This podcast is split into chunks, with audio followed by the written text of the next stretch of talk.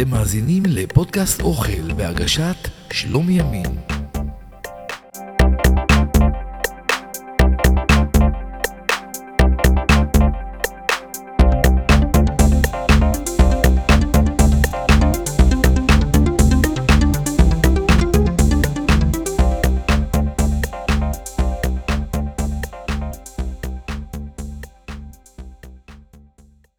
הם דומים אבל שונים, מכינים אותם בכל העולם ולכל אחד יש את הדרך שלו להכין אותם.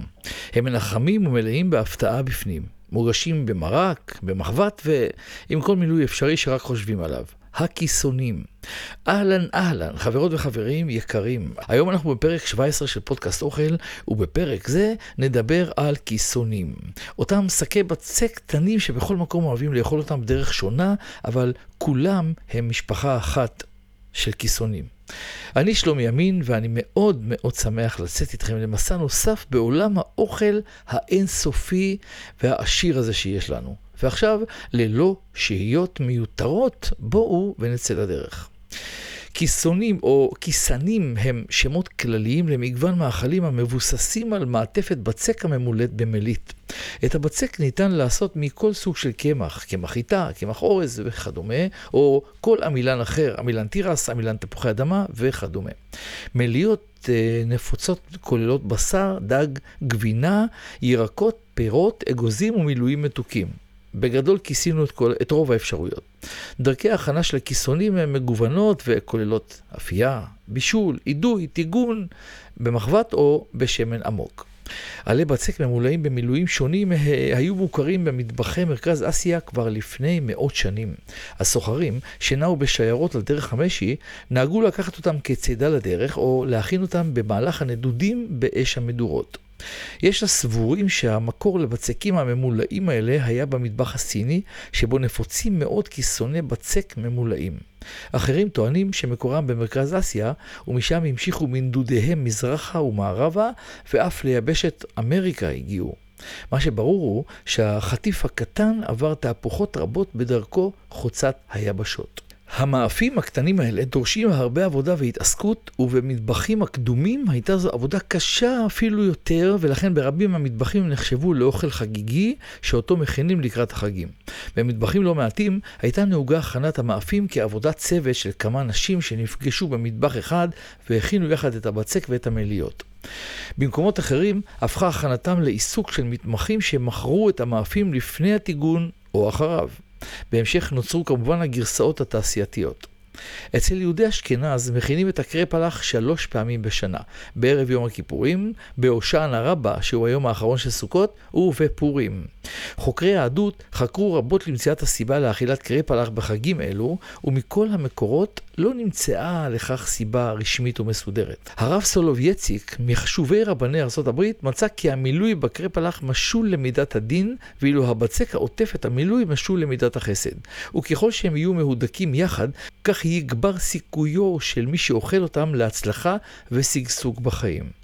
בחצרות החסידים העוסקים בתורת הנסתר טוענים כי המילה קרפלח באה משורש המילה קלאפ ביידיש ומשמעו להכות. ואכן בחג הפורים מכים את המן, בכיפורים מכים על חטא ובהושענא רבה מכים על הערבה.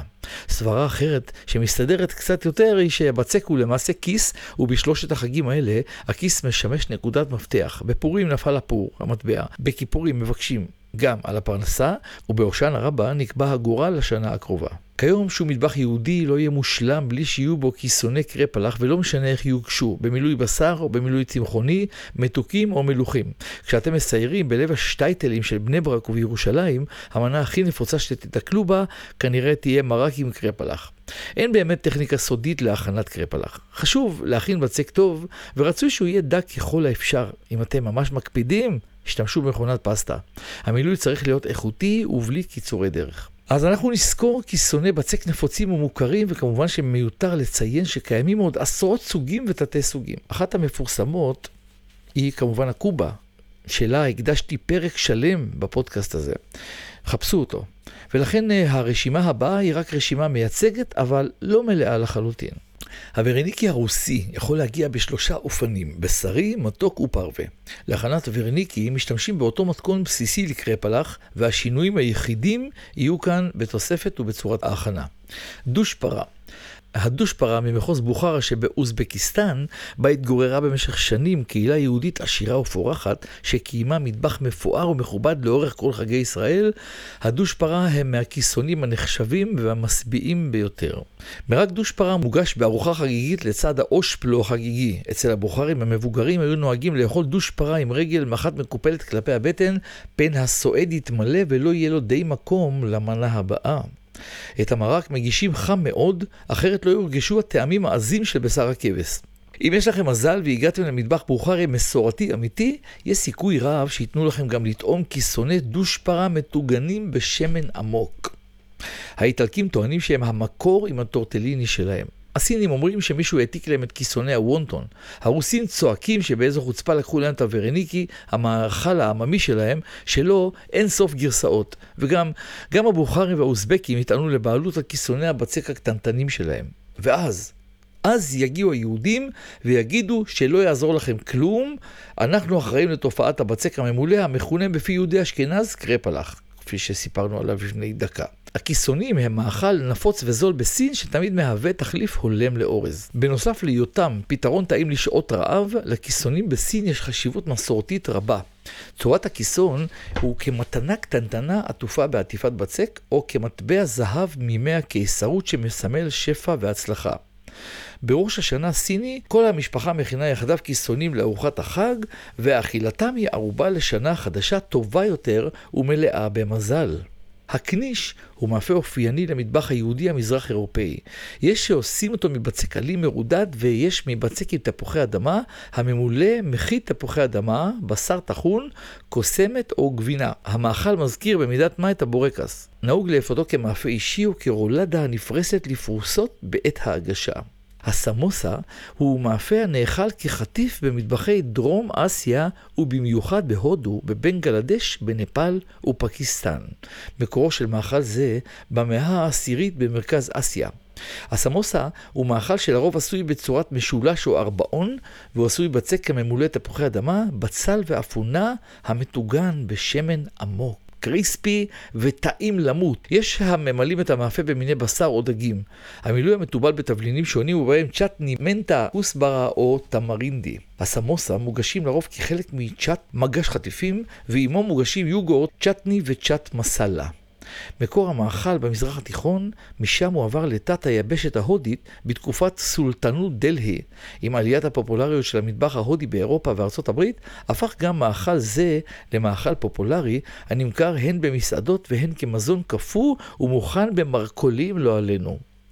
גרסאות אחרות של המאכל, בו המאפה נאפה במקום טיגונו בשמן עמוק, הפכו נפוצות במערב משיקולים בריאותיים, לא עלינו.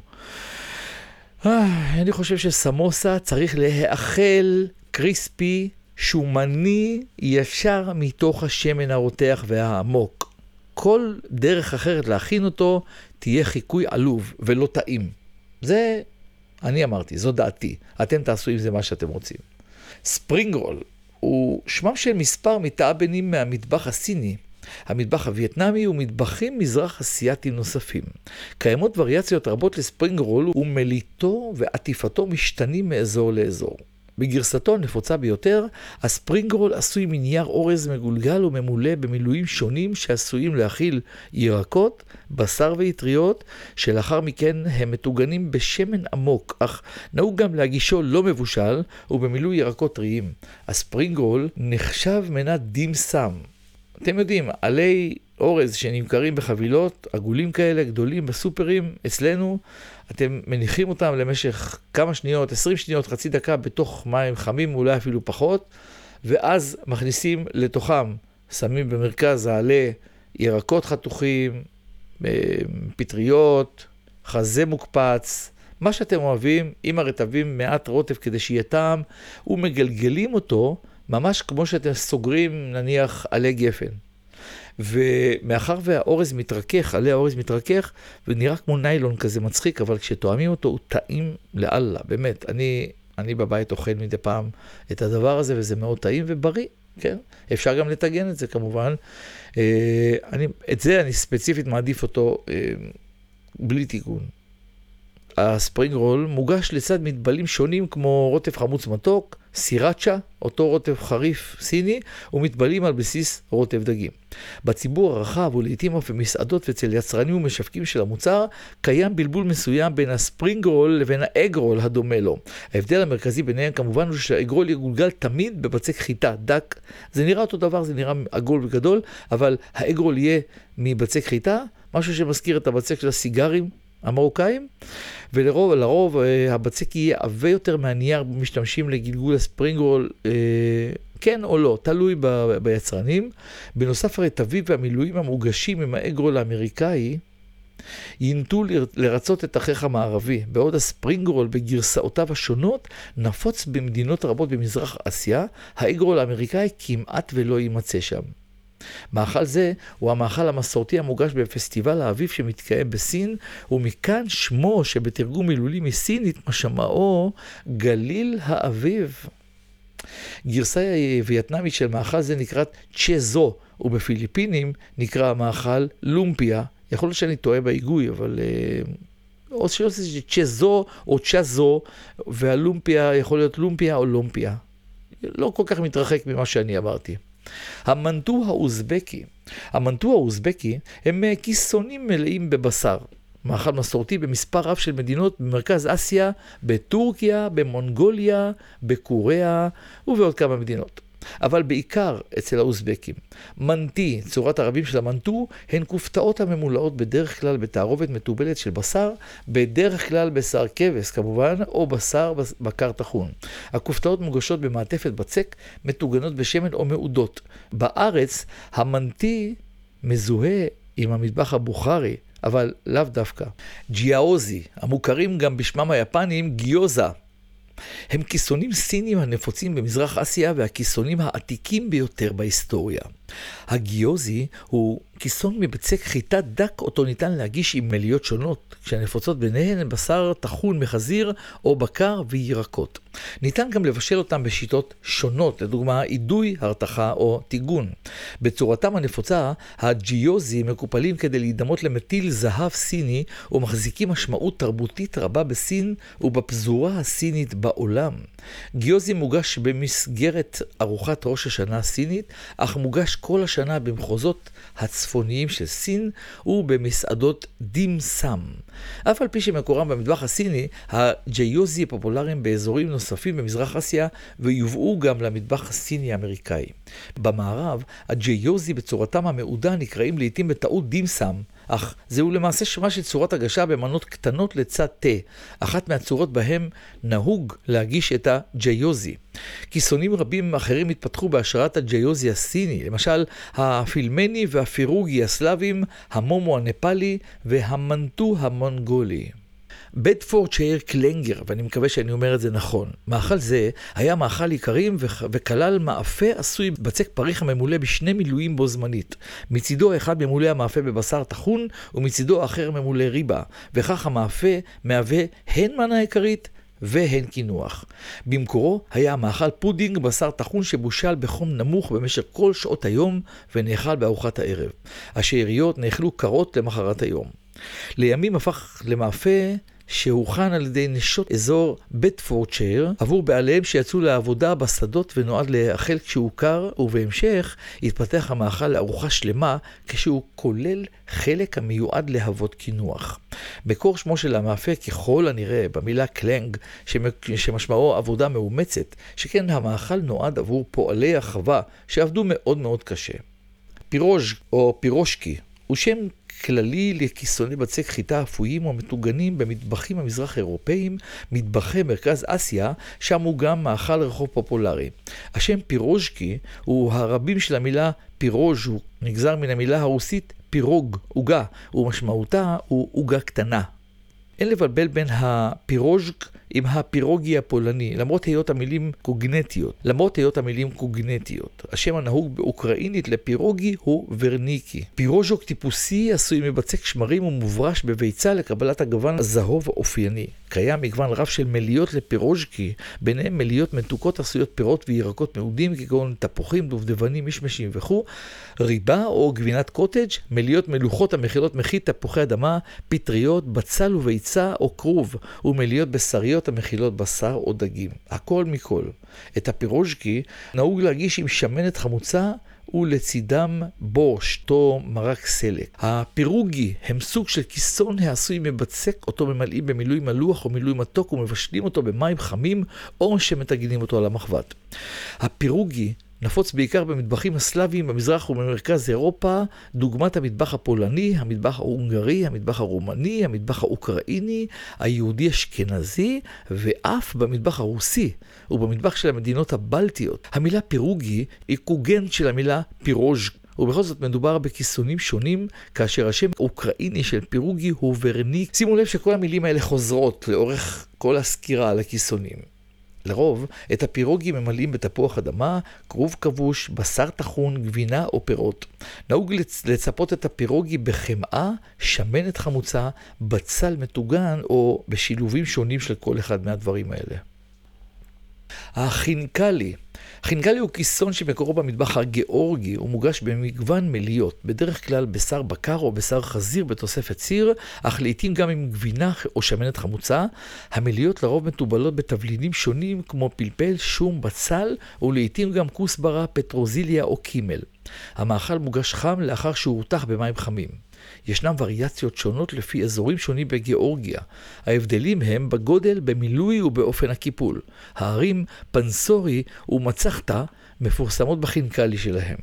פילמני הם כיסונים מן המטבח הרוסי אשר עשויים מציפוי דק של בצק וממגוון מילויים שונים, בעיקר בשר טחון. בצק הפילמני מורכב מקמח ומים ולעיתים גם ביצה. כמילוי מקובל להשתמש בבשר טחון מחזיר, בקר, טלה, דגים או פטריות. מקובל גם להשתמש במילוי שמורכב מכמה סוגי בשר.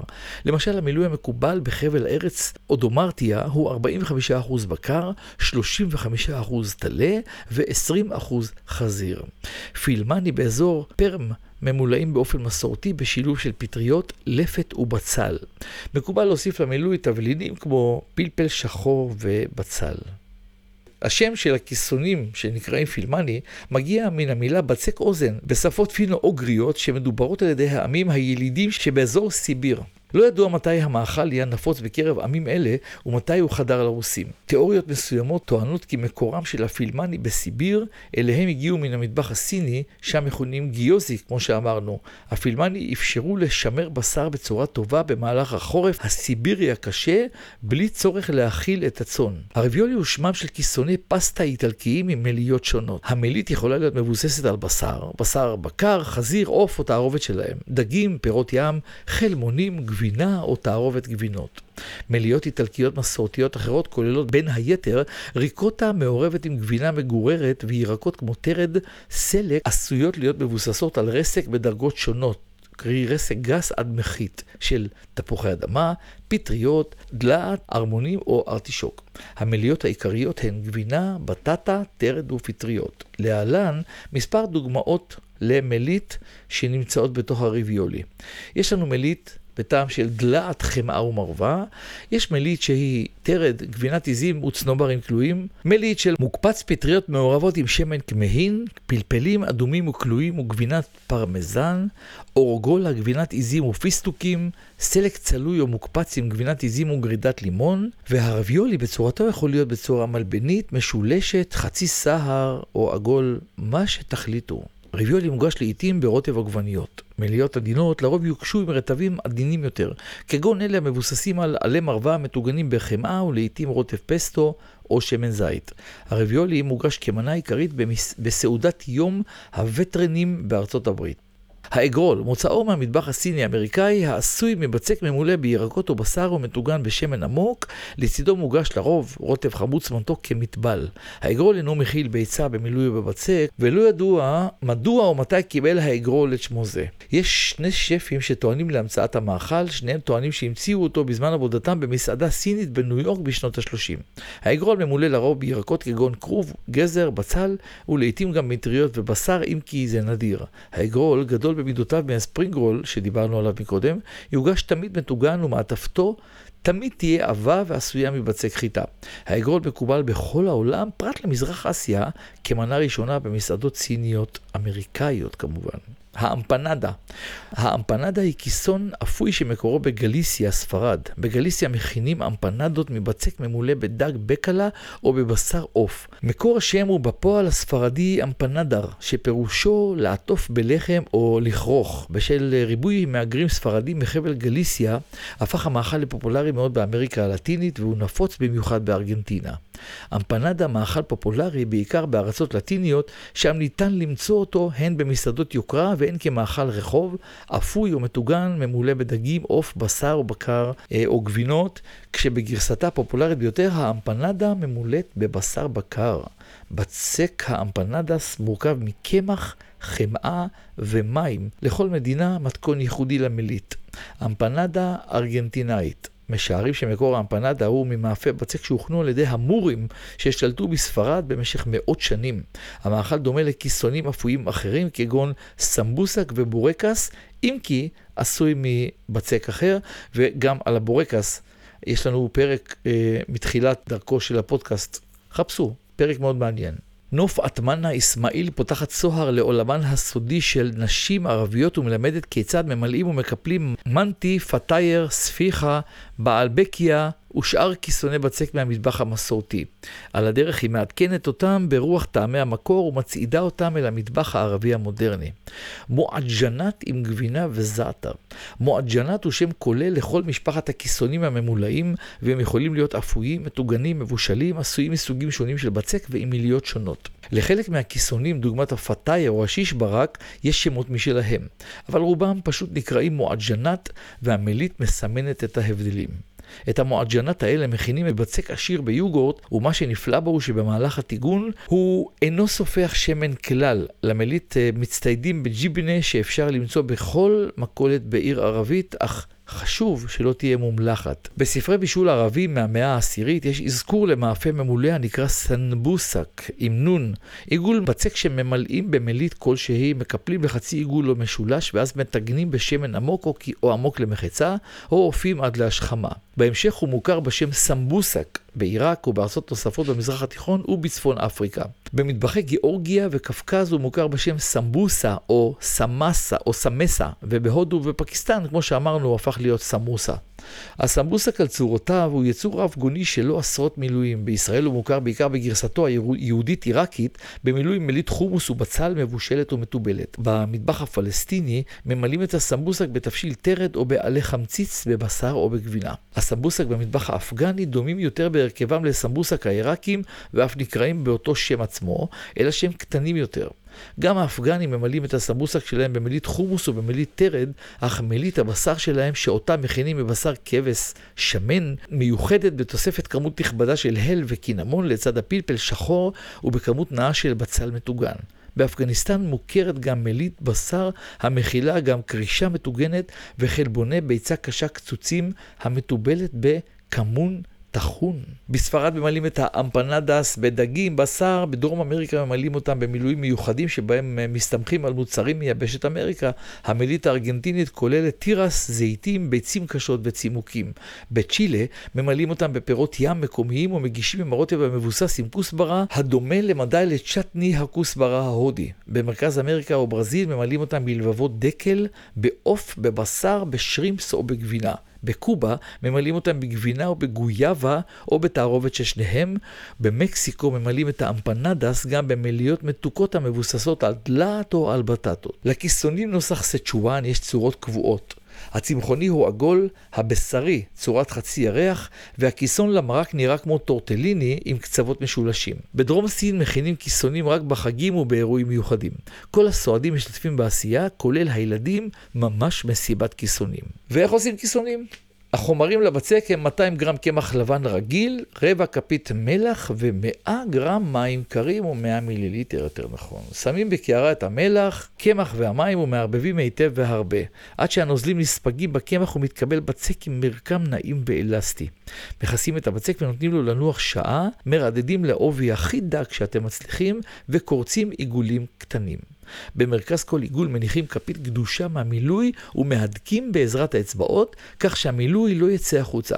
שימו לב, דפנות הבצק צריכות להיות דקות והאמצע קצת יותר עבה כדי שיחזיק את המילוי. יש שלוש שיטות עיקריות להכנת כיסונים. כיסונים במים רותחים מבשלים שלוש פעמים. מרתיחים מים, מכניסים את הכיסונים שהם צפים, מוסיפים מים קרים ומרתיחים שוב, וכך הלאה שלוש פעמים.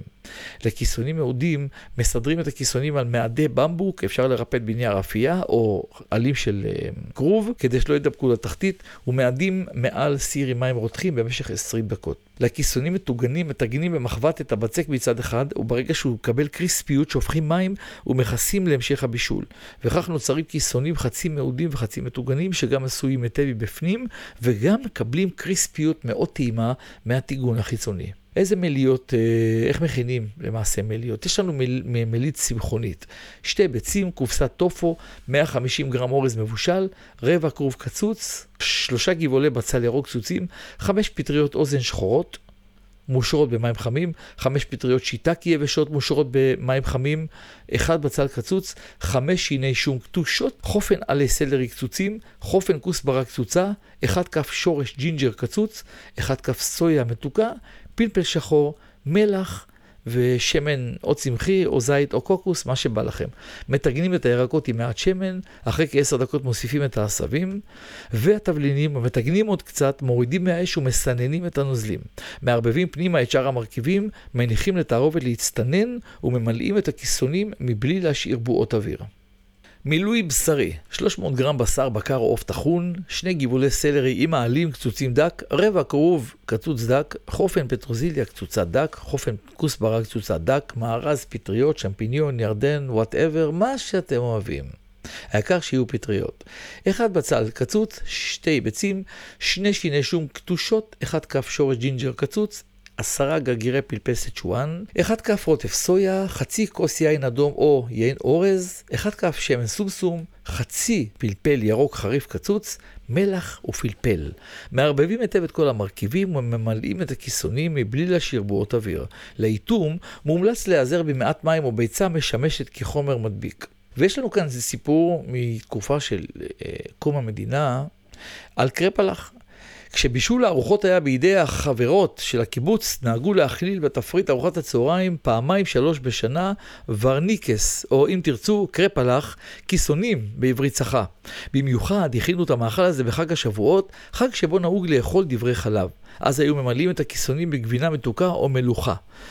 כמובן שבמילוי הקלאסי היה מכין תפוחי אדמה מעורבב עם בצל מטוגן היטב. לצורך ביצוע התפריט הזה, היו מגייסים כמה חברות מענף המחט כדי לעזור להדביק את הכיסונים עם המילוי, בכמות גדולה עבור כל האוכלים שיספיקו להתבשל עד ארוחת הצהריים.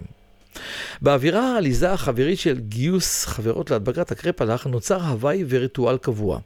מילוי כמה מהכיסונים עם צמר גפן במקום המילוי המקורי. אחרי שהכיסונים בושלו וחולקו לאוכלים במנות, היו החברות נעמדות בקצה חדר האוכל, עוקבות אחרי המגישים לראות מי ינגוס בכיסון עם צמר הגפן, למרבה הצחוק של יתר היושבים ליד השולחן וכל האוכלים בחדר האוכל. קרה גם מקרה שלחבר אחד מהצוחקים ליד השולחן נפל גם בחלקו לנגוס בצמר גפן אחרי שגמר לצחוק מזולתו. החברות היו דואגות שהכיסונים עם צמר גפן יגיעו לצלחתו של גוצה, זיכרונו לברכה, שלא ראה כל כך טוב, ולקח לו הרבה זמן עד שהבחין שהוא נוגס בצמר גפן, למרבה הצחוק של כולם, שהיו מחכים בדריכות וצפייה משועשעת לדבר הזה. אבל, אבל פעם אחת, פעם אחת הריטואל הזה הופר על ידי תרגיל הפוך על הפוך. החברה שהייתה אחראית על הכנסת הכיסונים עם צמר הגפן לסיר הבישול, העלימה את כל המגש עם הכיסונים, כך שאיש לא ראה שכיסוני צמר הגפן לא צורפו לבישול. וכך, כשכולם חיכו לראות מי ינגוס בצמר גפן, חיכו לשווא. אפילו גוצה, זיכרונו לברכה, התאכזב שלא קיבל את מנת סבר גפן המסורתית שלו כדי להצחיק את כולם. אכן, היו זמנים עליזים ומהנים. היום את הכיסונים קונים מהמוכן. אין חדוות יצירה בהדבקת הקרפלח, ואין גם אווירת העליצות ששררה ביום הוורניקס. והערה קטנה משלי, גם ברוב הקיבוצים היום אה, זה הכל מופרט, אז ככה שאותה אווירה שהייתה אז כבר לא תחזור יותר. ועד כאן, חברות וחברים, עוד פרק של פודקאסט אוכל שהיה מוקדש לכיסונים. אותו מאכל מנחם שכל אחד ימצא את הסוג שהוא אוהב בכל מקום בעולם ובכל טעם שיבחר. בעוד שבועיים ניפגש עם עוד מאכל מעניין וטעים, כרגיל. ואם אהבתם את הפרק הזה של הפודקאסט, או בכלל, אם אתם אוהבים את הפודקאסט, אתם מאוד מוזמנים לספר עליו לכל העולם, כדי שנגדל ונתפתח. ובינתיים תשמרו על עצמכם ותאכלו המון אוכל טעים. שלום ולהתראות, ממני שלומי ימין, פודקאסט אוכל. אתם מאזינים לפודקאסט אוכל בהגשת שלומי ימין.